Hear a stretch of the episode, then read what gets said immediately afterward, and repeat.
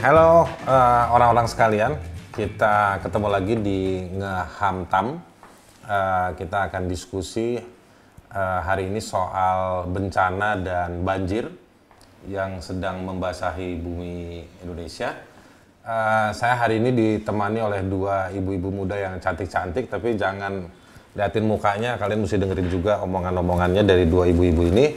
Sebelah kiri ada kakak Hindun, Hindun Mulaika. Mulaika.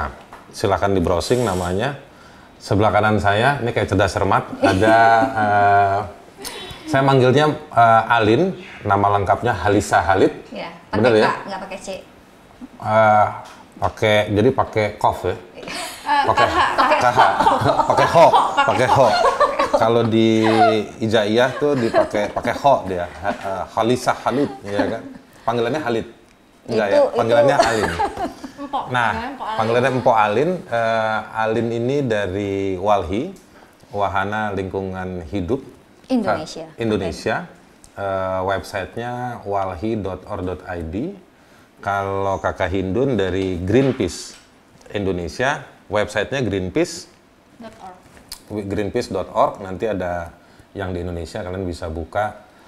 Nah, eh, dua lembaga ini eh, kalau Greenpeace ini terkenal dengan gerakan kampanyenya di tingkatan internasional.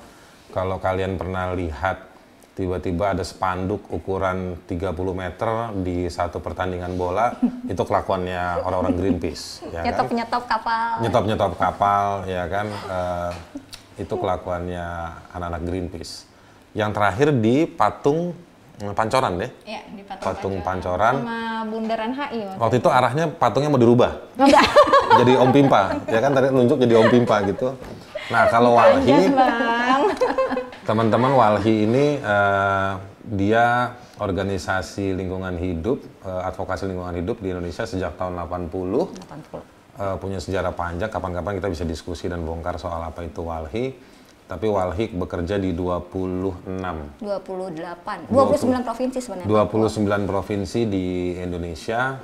Eh, banyaklah jejaringnya, anak cucu organisasinya eh, sudah berkembang biak dan eh, melahirkan banyak isu-isu advokasi di, di isu soal lingkungan hidup. Nah, saya mau balik ke soal eh, topik kita soal bencana dan juga banjir banjir.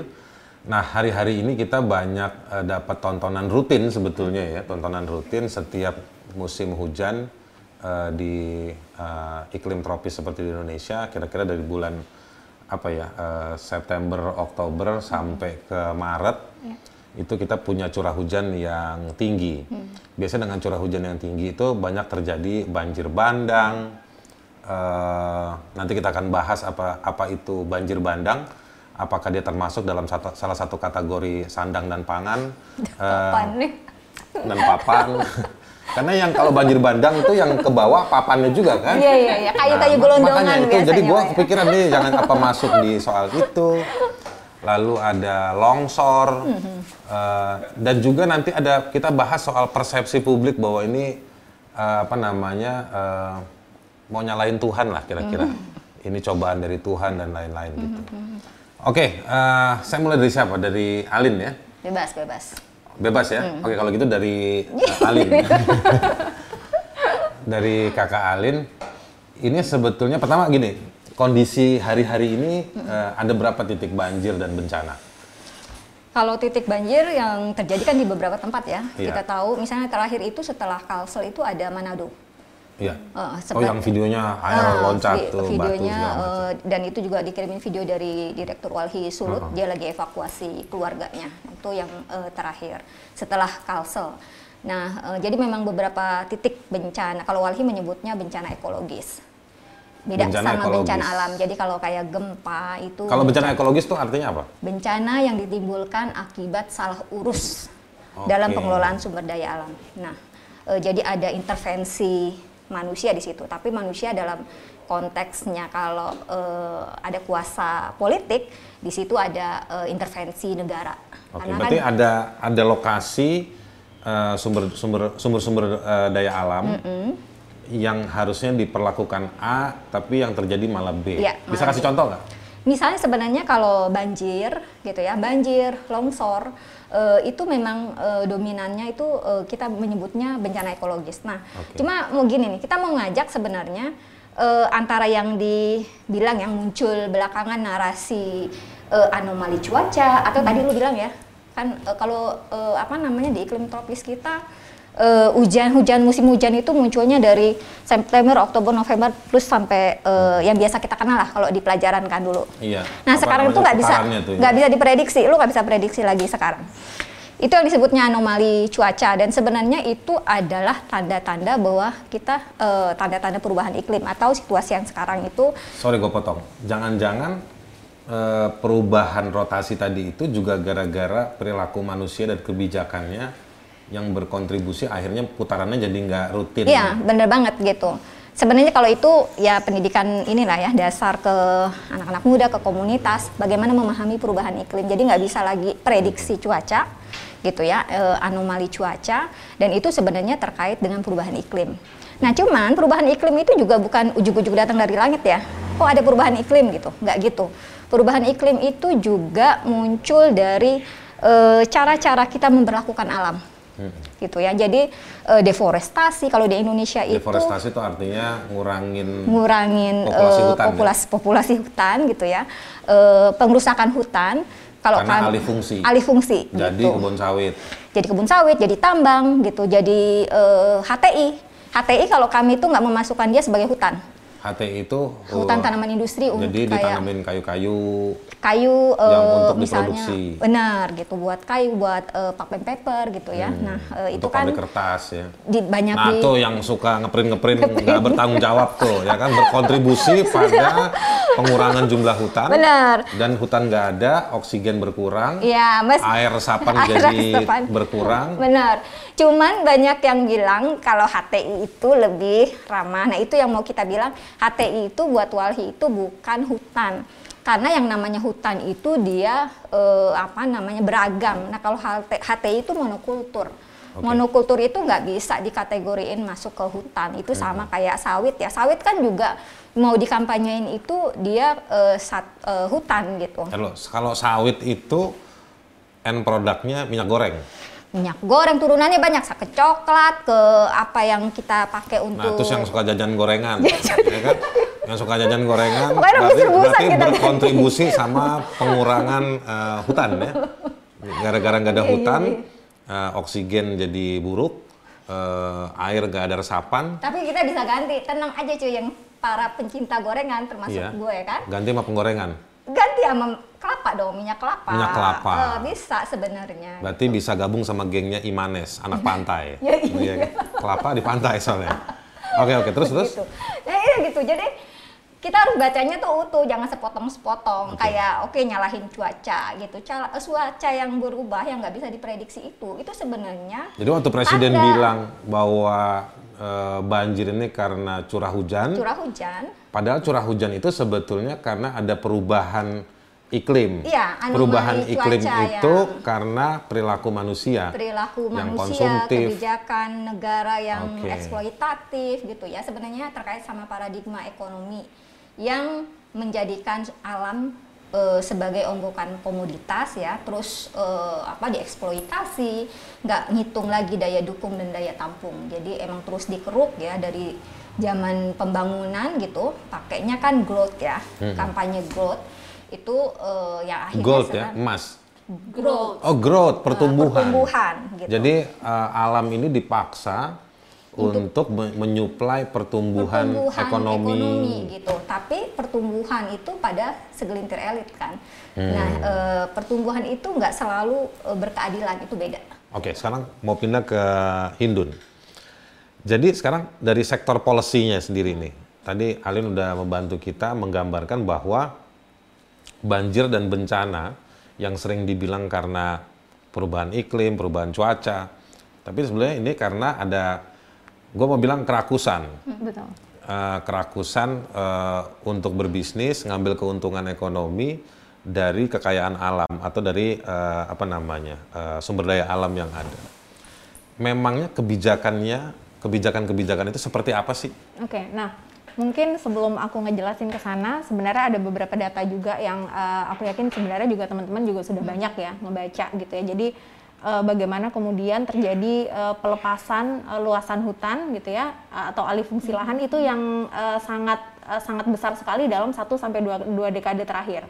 Berarti Jadi antara 10 sampai 20 tahun terakhir 10, 20 ini tahun terakhir. banyak uh, pelepasan hutan ya, perubahan ya, fungsi hutan. Betul. Jadi ada data luasannya nggak tuh? Nah itu uh, dari data terakhir kemarin pada saat banjir Kalsel itu pada saat kita melakukan pemetaan spatial planning gitu ya untuk das Barito saja sebenarnya forested areanya sudah tinggal 48 persen jadi 50 persen artinya, sudah hilang artinya uh, das itu daerah aliran daerah aliran sungai Barito itu di mana titik-titik yang ada 13 kabupaten banjir Hmm. gitu. Kalau untuk Das Maluka yang di bawahnya Das Barito itu bahkan forested areanya udah tinggal 0,9 luas 97 atau 98. Lalu Jadi sebentar, artinya Sungai Barito yang terkenal kita suka belajar di SD dan SMP itu exactly. perannya untuk membantu pengurangan banjir tinggal 40 persen. Oh, iya betul. Itu di Kalsel. Iya.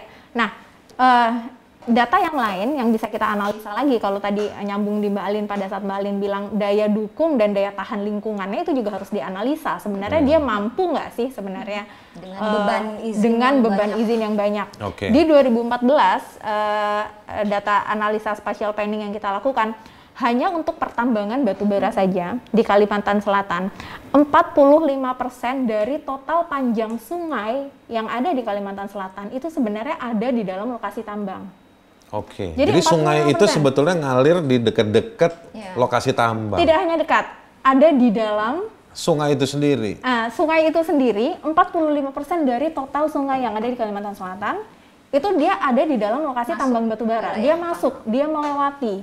Oke, sekarang kasih gitu. uh, supaya kita uh, bisa lebih kaya lagi.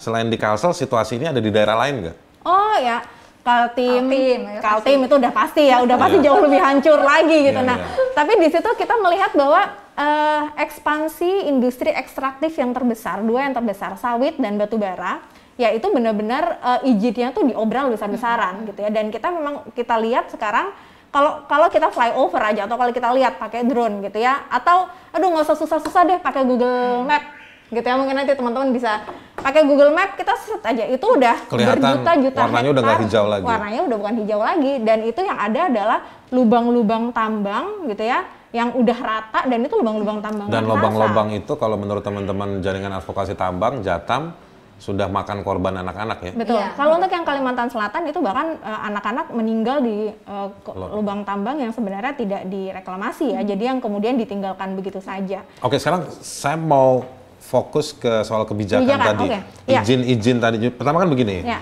Uh, teman-teman ya, uh, itu ada namanya Perda Tata Ruang. Hmm. Jadi teman-teman yang di mana pun kalian berada, setiap pemerintahan daerah itu harus punya peraturan daerah tentang tata ruang. RT RW, beda RT RW sama R kita ya. Uh, beda. Nah, uh, RT RW-nya itu bukan RT RW rukun tetangga, bukan. Nah, Perda Tata Ruang itu ada undang-undangnya lagi, undang-undang tentang uh, apa namanya penataan ruang. Nah, jadi jadi sebenarnya ada undang-undang yang mengatur. Ya. Nah, perda-perda itu, Kak Hindun, itu uh, apa ya saya mau bilang ya, perda-perda itu sebetulnya diciptakan untuk menentukan lokasi A untuk apa, hmm. lokasi B untuk apa, wilayah hijau untuk apa. Hmm. Nah, tapi di lapangan juga ada izin-izin Ya. Jadi ada kebijakan, ada izin yang dikeluarkan. Ya. Kalau dari sisi itu banyak yang cocok nggak? Nah, satu sebenarnya uh, banyak sekali kemudian juga ditemukan tumpang tindih, tumpang ya, ya, tumpang ah. tindih. Jadi ada sawit yang di atas konsesi uh, tambang batubara gitu ya. Jadi jadi karena bahkan e, dari beberapa data kita itu kalau semua izin yang dikeluarkan tuh di total bahkan itu lebih besar melampaui lokasinya itu sendiri lah ada itu sendiri. Jadi ini maksudnya apa? Tapi kemudian kita melihat bahwa memang e, di beberapa layer pemerintahan gitu ya pemberian izin itu diberikan begitu mudah yeah. gitu ya terhadap para pengusaha. Dan itu biasanya ada momen-momen tertentunya tuh. Pilkada. Momen pilkada. momen-momen okay. pemilu dan, gitu ya. dan hati-hati juga justru e, RT RW itu itu jadi satu media untuk pemutihan Hmm. Itu ya. banyak kalau biasanya tuh kalau mau gara-gara sudah ada izin, ada izin perubahan, gitu, RT RW, perda tata ruangnya akhirnya mengakomodir pemutihan-pemutihan. Padahal ya. setahu gue eh, penyusunan tata ruang itu sebenarnya kan ada ilmunya ya. Ada. Ya.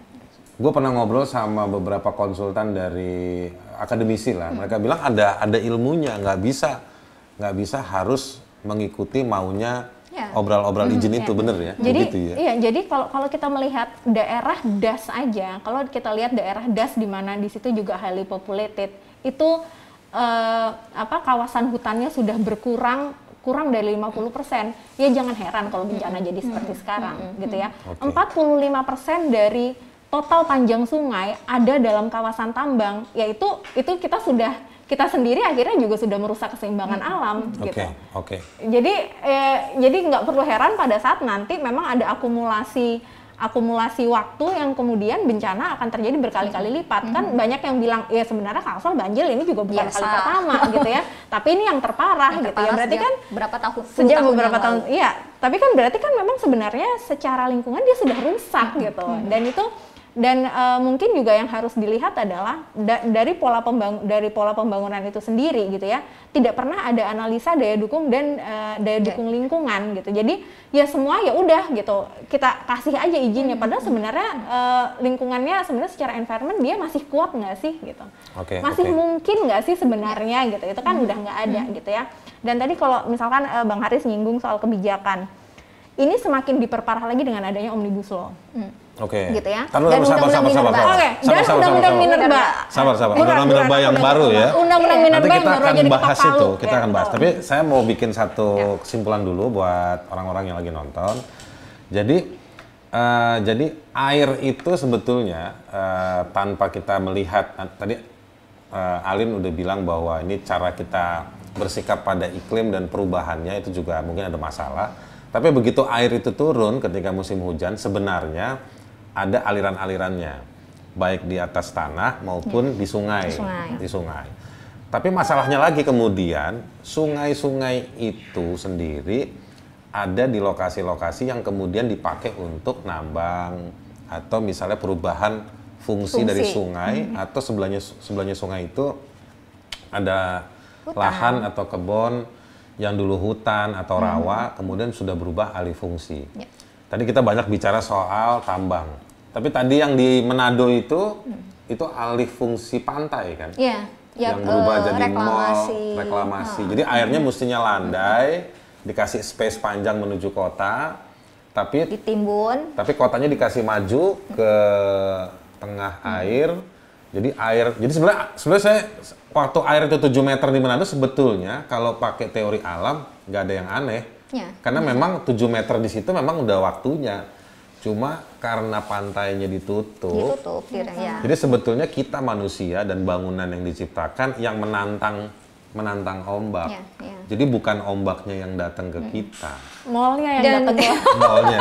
ya kan ya begitu kan? kan? cara cara pikirnya ini yang dikritik sama ekologi politik ya eh, pendekatan ekologi politik jadi yang namanya teknikalisasi masalah gitu kemudian eh, jawabannya Teknikalisasi masalah. gitu yang Itu oke. Apa tuh? misalnya eh, mis teknikali Soalnya masalah gue belum sempat diskusi di tongkrongan gue soal Iya, iya. jadi jadi gini. Jadi eh, biasanya pembenarannya pemerintah ya kalau mau reklamasi itu bilangnya eh, misalnya pesisirnya udah rusak. Oke. Hmm. Jadi pendekatan teknis. Oke, reklamasi. Gitu. Dikasih beton. Dikasih beton. Padahal sebenarnya pendekatan eh, teknikalisasi masalah. Padahal problem pesisir yang rusak itu itu juga ada intervensi kebijakan di situ. Padahal caranya bukan begitu. Bukan begitu gitu. Jadi Misalnya tanam bakau. Ya, tanam bakau yang itu memang dia alami ya, Iya, eh, iya. apa namanya penahan eh, abrasi dan seterusnya gitu. Jadi eh, pendekatannya eh, dan banyak di kita itu juga cara pendekatannya kayak gitu, melihat sesuatu melihat persoalan lingkungan aspek teknis semata gitu. Oke. Nah itu yang eh, apa namanya harus mulai diubah dan kita harus maju pada ini memang terkait sama kebijakan ekonomi dan kebijakan politik Oke. gitu karena ada momen-momen politik juga yang itu Oke. bagian dari Ini kita udah bahas soal bagaimana singkat soal pantai. Jadi jangan asal bawa HP punya kamera buat foto di Instagram atau nge-TikTok karena cari spot di pinggir pantai. Tapi juga ada masalah soal alih fungsi lahan atau hutan. Lalu kita seneng lihat sungai tapi cuma digambar, tapi ternyata sungai-sungai kita banyak dipakai Hmm. untuk eh, orang cari uang. Sekarang ada lagi nih, memperkaya spot-spot alam itu Ya. di engineer eh, untuk pariwisata. Iya, iya. Ya kan, eh, teman-teman di hakasasi.id itu eh, organisasi saya itu juga riset soal bagaimana 10 New Bali. Ya, Ya Bali kan teman-teman Ya. bisa buka Bali di hakasasi.id ada banyak paper-paper yang kita tulis soal bagaimana industrialisasi wisata. Ya. Nah, itu juga apa namanya? eh,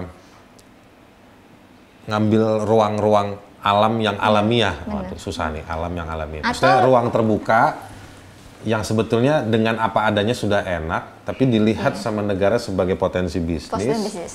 Lalu dimasukkan kebijakan bahwa investor Ya.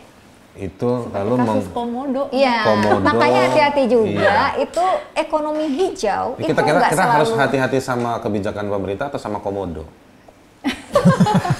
Oke, terus gimana gimana? Ya itu terkait sama sebenarnya kan lingkungan hidup yang sebenarnya kalau buat kita lingkungan hidup itu adalah hak asasi gitu ya. Iya. Kemudian buat pasar itu adalah komoditas. Oke. Gitu. Apalagi misalnya justru krisis iklim dibajak ya sama perusahaan-perusahaan yang justru dia membuat krisis iklim diambil jadi peluang bisnis baru gitu jualannya green jadi coba lu tengok deh tuh yang jualan-jualan view pemandangan gitu itu pasti tempatnya tuh harganya lebih mahal Iya. gitu ya. Jadi eh, isu lingkungan itu dibelokin buat kepentingan bisnis termasuk ya bisnis pariwisata itu gitu. Terus gue suka begini Delin, kadang-kadang itu ya, yang masalah-masalah pelik dan penting dalam soal lingkungan ya Indonesia, itu ditutup dengan kebijakan-kebijakan yang apa ada rekayasa canggih, terus dikasih sekarang ditutupi dengan kegantengan Sandiaga Uno Iya, iya, iya. untuk pariwisata misalnya kayak gitu ya. Itu aku, aku banyak banget tuh poin Ya, yang nih, buat Sandiaga di Uno nih ada satu cewek yang udah bilang dia nggak ganteng. Eh, boleh lah. Tapi gini nih, gue mau ngomong apa jadi lupa. Nah, nah eh, itu dibungkus. Terus gue kadang-kadang suka agak kecewa gerakan lingkungan itu divisualisasi hanya dengan mengutin sampah. Iya. Ya itu penting. Tapi sebenarnya itu kan cuman hilir kecil aja gitu yang misalnya eh, ada menteri-menteri yang kalau misalnya CSR kantornya itu iya. mengutin botol plastik di mana di pinggir pantai di mana-mana gitu. Gue sih setuju sama gerakannya Greenpeace tuh yang intervensi orang kaget kayak apa ya electric shock gitu.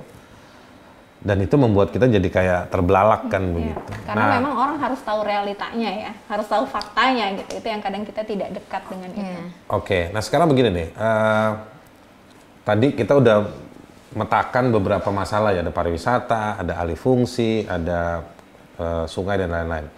Sekarang balik ke soal eh, banjir tadi itu. Selain banjir, bencana-bencana akibat dari salah urus Negara. lingkungan hidup. Salah urus negara dalam mengelola sumber daya alam itu yang Ini udah sampai level itu ya. Oh iya. Jadi karena kan kebijakannya negara yang keluarin. Jadi eh, seberapa luas atau seberapa mendalam dan kuat eh, kelompok-kelompok yang mengatur kebijakan yang mengambil keuntungan. Oh, gede banget. Ini, ini gua mau gua mau, mau bicara soal pelakunya nih. Si- Oke. siap- karakternya kita nggak usah sebut nama. Iya, Tapi mari kita coba imajinasikan mukanya mereka. Iya, iya. Eh, aku sedikit, sedikit mau mengelaborasi ya di Oke. sana. Eh, sebenarnya mau kasih contoh yang konkret nih, konkret. Tadi sempat aku ngangkat soal undang-undang Minerba, gitu Iya. ya. Nah, jadi sebelum undang-undang Minerba itu diketok palu, gitu.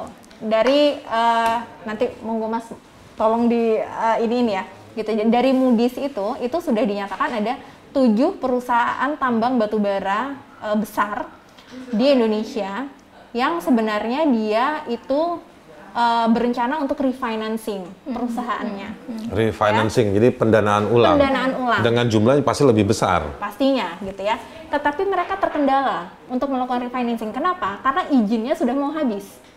Oke. Beberapa izinnya habis 2020, ada yang habis 2021, ada yang habisnya 2022. Mhm. Ya. Nah, mereka akan sulit mendapatkan refinancing dalam jumlah besar dan itu pasti mereka butuh supportnya sampai jangka waktunya lama ya. Kalau kemudian tidak ada kepastian nih untuk perpanjangan izin Dari dari negara. konsesi mereka, perpanjangan Oke. izin yang diberikan oleh negara terhadap Oke. konsesi mereka. Hmm. Dan ini semua adalah perusahaan tambang batubara yang besar-besar. Kepemilikannya itu puluhan ribu hektar gitu ya. Kita Hmm. nggak bicara yang ecek-ecek Iya, lah iya, gitu iya. pertambangan Yang kayu, karungan ya. karungan gitu bukan. Ini, ini batu bara, tapi kan tambang itu nggak cuma batu bara kan? Iya. Exactly betul betul. Nikel lagi berkembang. Nikel Iya. itu nah itu pakai mobil listrik itu Nah, gitu. itu nah, nah, Oh. itu yang dibungkus dengan uh, ekonomi hijau Ekonomi tadi. hijau Jadi sebenarnya banyak banget nih kasusnya gitu ya. Iya, gua belakangan lihat banyak iklan eh, mobil listrik, mobil listrik. Sementara listriknya dari batu bara. Batu bara. Terus Mobilnya juga mahal, baterainya iya dari kan? Kemarin gua, pertambangan ini kemarin gua nikel, mau beli, gua pikir-pikir kok eh, mahal. Kasihan aja udah bener sama sepeda. Ya kan, akhirnya sementara gue beli kabel cas aja dulu, ya kan. Jadi batu bara, Betul, nah. nikel, emas, emas juga. Nah, eh, pasir besi. Pasir besi. Pasir besi di Jawa itu juga masuk. Di Jawa di ya. kemarin dapat kabar dari temen eh, temen kita lah nanti bakal gue undang juga sih Iya, Eh, di Jawa Timur bagian selatan Iya. pasca siapa nih di- terbunuh Eh, Eh, Budi Pego. Eh sorry kok Budi Bukan Pego. Siapa? Pego yang kemarin Salim, Salim Kancil. Kancil. Salim Kancil. eh, pasca Salim Kancil justru tambangnya makin menggila. Iya, Jadi iya. artinya eh, bisnis tambang nih gila-gilaan di Indonesia ya. ya. Gila-gilaan dan sebenarnya itu bisnis paling primitif. Paling primitif. Jadi ada eh, prinsip mereka itu gali datang pergi. Gali datang Hmm, pergi. itu ininya Jatam ya, itu gali datang pergi. Jadi Dan, dan memang kemudian banyak lubang-lubang yang tidak direklamasi. direklamasi. Karena kenapa? Karena sebenarnya kos untuk reklamasi itu sendiri itu Dikorup. satu dikorup, tapi memang itu mahal banget gitu. Jadi kalau misalkan eh, misalkan mereka benar-benar mau melakukan eh, sesuai by the rules ya, misalkan itu mereka juga harus rogoh kocek gede juga. Gitu. Jadi ya karena itu kenapa jangan heran gitu kalau di Kalimantan Selatan, Kalimantan Timur itu namanya lubang-lubang raksasa, Ya, dibiarin. panjangnya Nah. bisa sampai 2 km. Kita jalan gitu capek. Itu tuh satu lubang besar. Lobangnya, Lubang tambang Diameternya. yang ditinggalkan begitu saja. diameternya Iya, diameternya atau kadang ada Dua- panjang. dua kilometer. Hmm. Dua kilometer. Ini dari dari sini ke mana tuh? Bang Haris mungkin Gua kalau jogging aja. 5 kilometer. Ya, udah suara jalan dong ya. Itu tuh Jadi pergi bolak-balik lagi sebenarnya udah aja memenuhi. tuh lubang tambang. Iya. Nah, jadi dan itu nggak cuma satu gitu ya. Itu tuh sebenarnya banyak gitu. Eh, Pernah didata nggak sih ada berapa lubang tambang karena emas dan batu bara? Kalau kali kalau Kalimantan Selatan ki- kita nggak ada datanya ya. Maksudnya untuk lubang yang ditinggalkan saya Iya, iya, mungkin yang teman-teman sama adanya. kayaknya ada ada ada datanya. Tapi eh, nah di situ aku, aku mau sedikit nyambung lagi ke yang tadi ya. Jadi dengan kondisi karena itu kenapa aku selalu bilang nggak tidak ada analisa menyeluruh terhadap sebenarnya daya dukung lingkungan kita sebenarnya alam kita tuh masih masih mampu nggak sih gitu ya. Tidak ada atau tidak eh, tidak dijalankan. Jadi artinya kemampuan itu ada untuk Se- menganalisa, mengevaluasi, tapi nggak mau dilakukan. Secara kebijakan ada. Seharusnya Di mana itu? Di kebijakan misalnya, mana? Iya, misalnya kalau kita mau merefer Undang-Undang 32, Undang-Undang 32 2009 ini kan menurut kita Tentang lingkungan hidup tentang ya? lingkung- perlindungan dan pengelolaan lingkungan Oh, hidup iya. itu undang-undang yang eh, progresif Iya.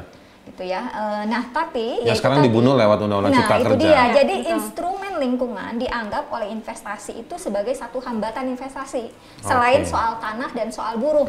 Makanya kan kalau di Undang-Undang Cipta Ker- eh, Cilaka itu sebenarnya kan dia mau buruh upah buruh murah ya, tanah yang gratis kalau bisa dan eh, apa namanya dan instrumen lingkungan itu dikurangin. Oke, sebentar.